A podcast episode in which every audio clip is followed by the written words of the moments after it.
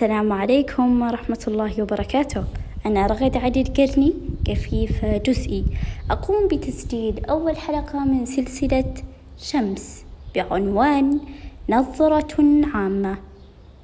أنشئت هذه السلسلة منكم وإليكم بحيث تشاركون أفكاركم واقتراحاتكم ونخرج لكم بموضوع مثري وهادف بإذن الله. وسنستضيف بعض الملهمين أسميت سلسلتي بشمس لأنها تحمل الكثير من المعاني والقيم والحكمة في خلقها. خلق الله الشمس لتنير الأرض ومن عليها لتغذي البشر ولتمدنا بالطاقة. فنحن هنا لننير فؤاد ونغذي عقل لنمدكم بأشعة من البهجة والأمل من الصبر والكفاح. فكونوا معنا بكل شهر من يوم عشرون.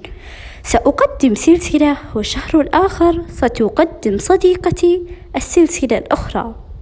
اقتراحاتكم ونقدكم البناء يطورنا. دمتم بخير وإلى اللقاء.